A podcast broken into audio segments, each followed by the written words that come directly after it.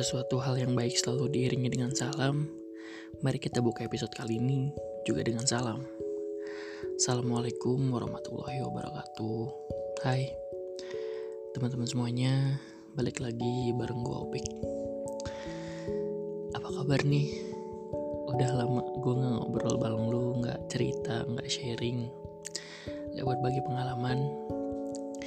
Sorry banget, akhir-akhir ini gue lagi ada di fase di mana lagi males aja gitu buat konten ya mudah-mudahan uh, lu semua pada sehat gitu kan apalagi sekarang di Indonesia. Katanya pandemi lagi perputaran kedua. So buat lu tetap jaga protokol kesehatannya. Jangan sampai longgar. Intinya sebisa mungkin kita memprotek diri kita sendiri lah selain buat apa ya selain buat kepentingan dari kita sendiri juga itu juga bisa melindungi orang lain juga kan. So uh, kali ini gue balik dengan satu topik yang emang apa ya akhir-akhir ini lagi gue rasain dan mungkin beberapa dari lu juga sedang merasakan ini gitu uh, yang gue bahas di episode kali ini mengenai masalah dan juga pendewasaan. Hmm, apa ya? Pendewasaan adalah sesuatu hal yang dinanti dahulunya namun ditakuti ketika kita setelah merasakannya. Iya gak sih kayak zaman dulu tuh waktu kecil nih kita tuh pengen cepet-cepet jadi orang yang dewasa. Tapi ketika kita sudah dewasa sekarang, malah kita takut untuk menjalankan kehidupan. Dan lu pernah gak sih kayak ngerasa hidup tuh bingung, gak jelas. Kayak lu gak tahu apa yang harus lu lakuin sekarang gitu. Kalau gue sih jujur sebagai manusia biasa, gue udah sempet ngerasain itu. Dan titik jenuh yang gue rasain selama proses pendewasaan itu memuncak ketika gue ngerasa stuck di suatu tempat. Baik itu di circle pertemanan kah di apa ya kerjaan mungkin. Gue ngerasa ya stuck di situ-situ aja gitu. Nah uh, terus tempo hari gue sempet nanya random gitu uh, ke teman-teman gue apa sih yang lo rasain ketika lo dewasa gitu dan masalah apa yang lo dapet dari proses pendewasaan itu gitu. nah ini udah ada beberapa yang gue dapat dari teman-teman gue yang mungkin mm, bakalan gue anonimin juga gitu karena siapa tahu ini adalah masalah pribadinya mereka tapi mereka secara gamblang untuk berani cerita gitu ke gue dan siapa tahu juga ini masalah privasi yang memang seharusnya orang nggak tahu gitu. Oke yang pertama nih yang gue dapet dari temen gue tuh masalah percintaan katanya pik bagi tips move on dong. Oke anjir. Hmm, emang sih ya yang namanya pendewasaan tuh nggak lepas dari yang namanya cinta. Ya gak sih? Kayak semisal kadang nih gue juga salah satu proses pendewasaannya itu gue juga didewasakan oleh yang namanya cinta yang namanya sakit hati. Lu juga ngerasain itu gak sih? Kayak kadang setelah kita dikecewakan oleh yang namanya cinta kita ngerasa sakit hati dan kita tuh baru sadar oh ternyata dewasa tuh harus rumit ini ya. Jujur gue juga beberapa waktu lalu sempat putus sama pacar gue dan gue ngerasa kayak kenapa sih gitu? Dewasa tuh harus se apa ya se menyakitkan ini mungkin harus se uh, rumit ini gitu. Gue juga dulu sempet ngerasain itu gitu dan mikir ya oh gini ya itu rasanya dewasa. Jadi kayak nggak lepas aja gitu dari yang namanya cinta itu dalam proses pendewasaan itu. Dan untuk bagi tips move on sih kalau dari gue kayak ya life must go on gitu. Kalau emang masih bisa pertahanan ya monggo dipertahankan tapi kalau misalkan emang udah nggak ada yang harus dipertahankan lagi ya lu ngapain gitu? Buang-buang waktu jatuhnya. Kayak kehidupan harus terus berjalan dan lu juga harus ngelihat ke depannya emang lu mau gitu digituin lagi.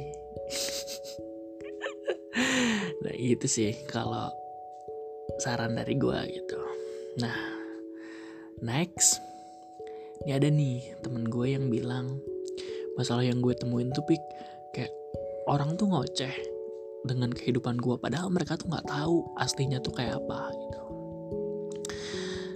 Emang sih banyak orang di luaran sana yang ngoceh yang hobinya tuh nyinyir mulu. Yang hobinya tuh ngocehin mulu apa yang kita lakuin itu di mata mereka selalu salah.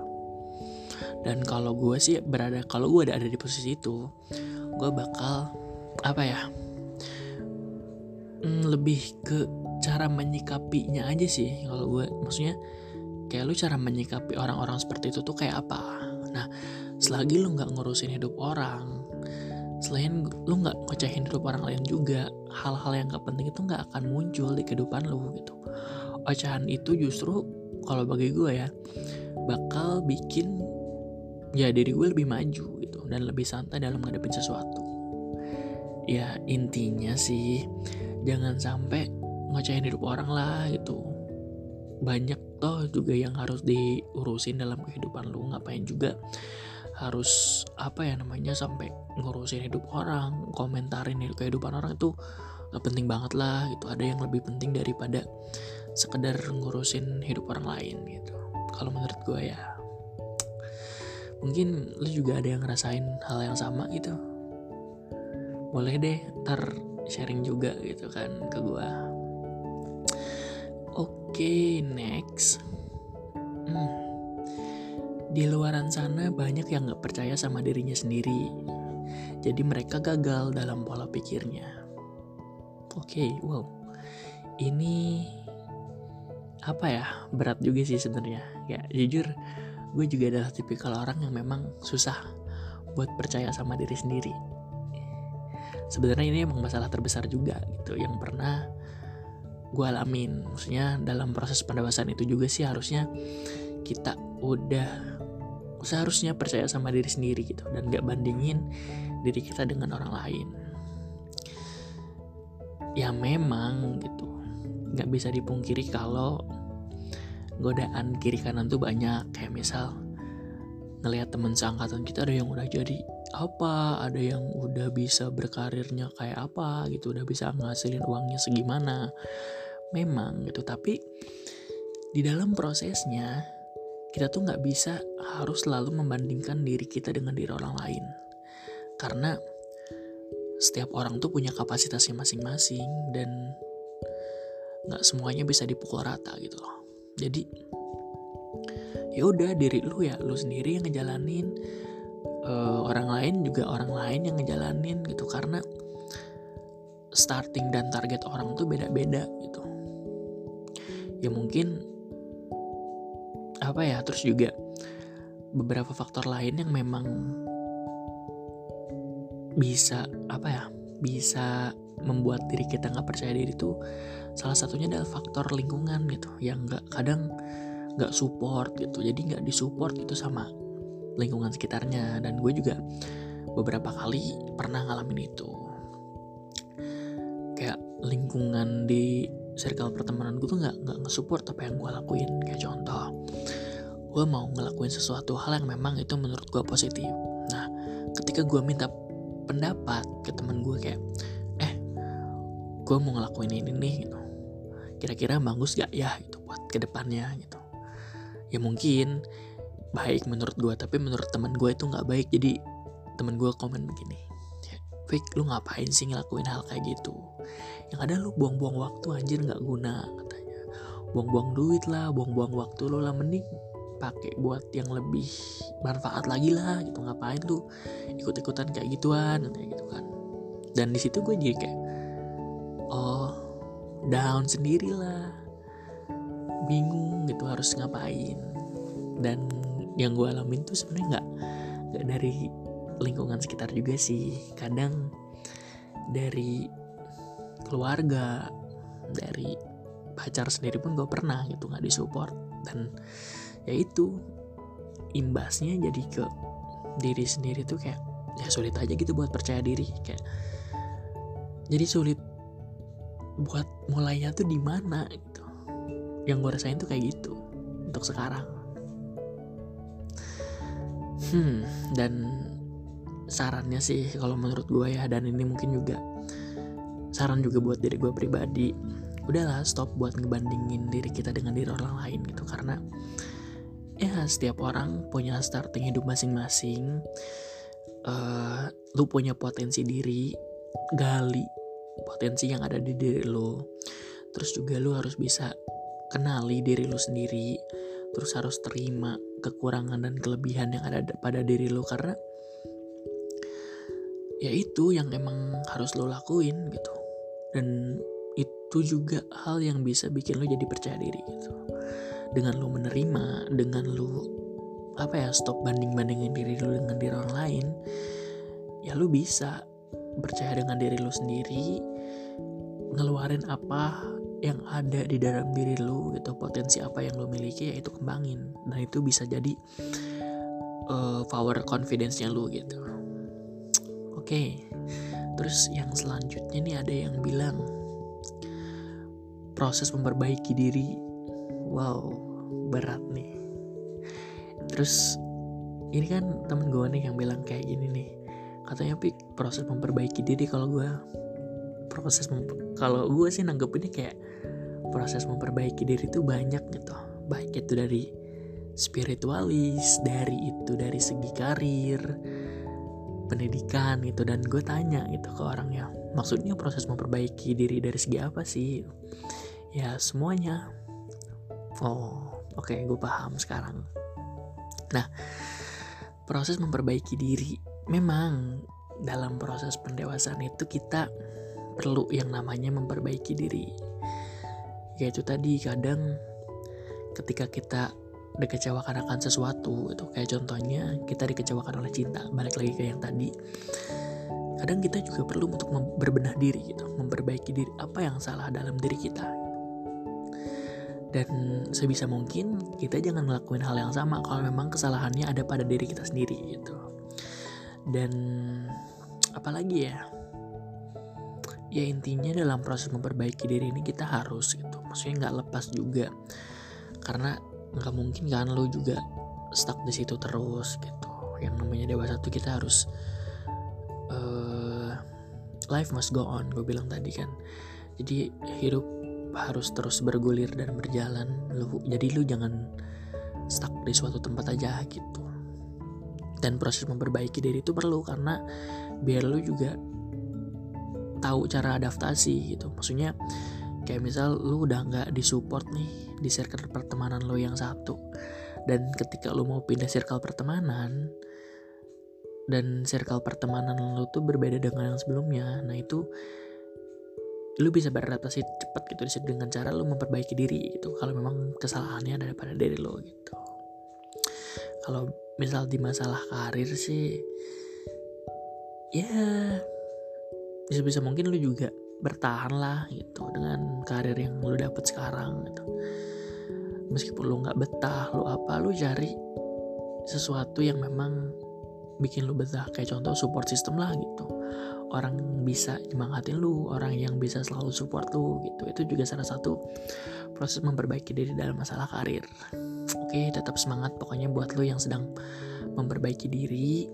Dan lu hebat sih kalau menurut gue udah sampai bertahan gitu. Sampai lu sadar oh gue harus memperbaiki diri nih. Gitu.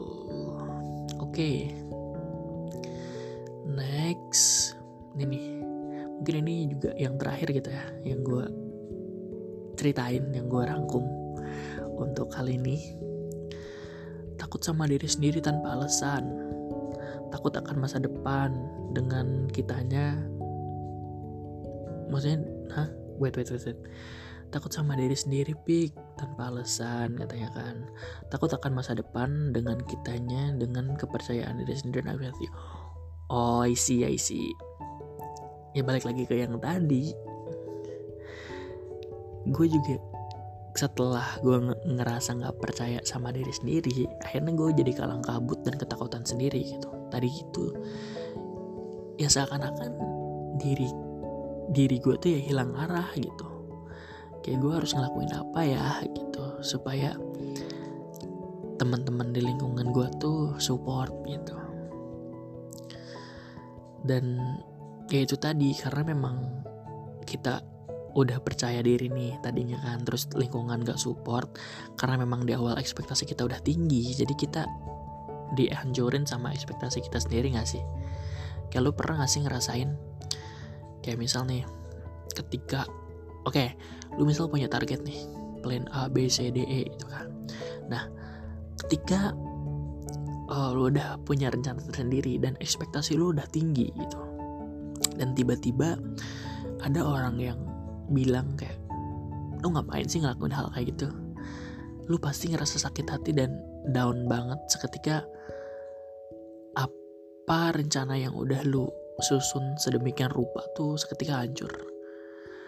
Kayak lu lagi bangun pondasi rumah nih atau lu lagi bangun sebuah rumah terus tiba-tiba ada orang nih yang nabrak gitu kan nabrak rumah lu mobil kayak motor kayak terus ketika rumah lu hancur jebret sakit hati nggak? Sakit hati lah jelas. Dan gue juga kemarin sempat ngerasain kayak gitu ketika gue udah ada di plan A B C D E gitu.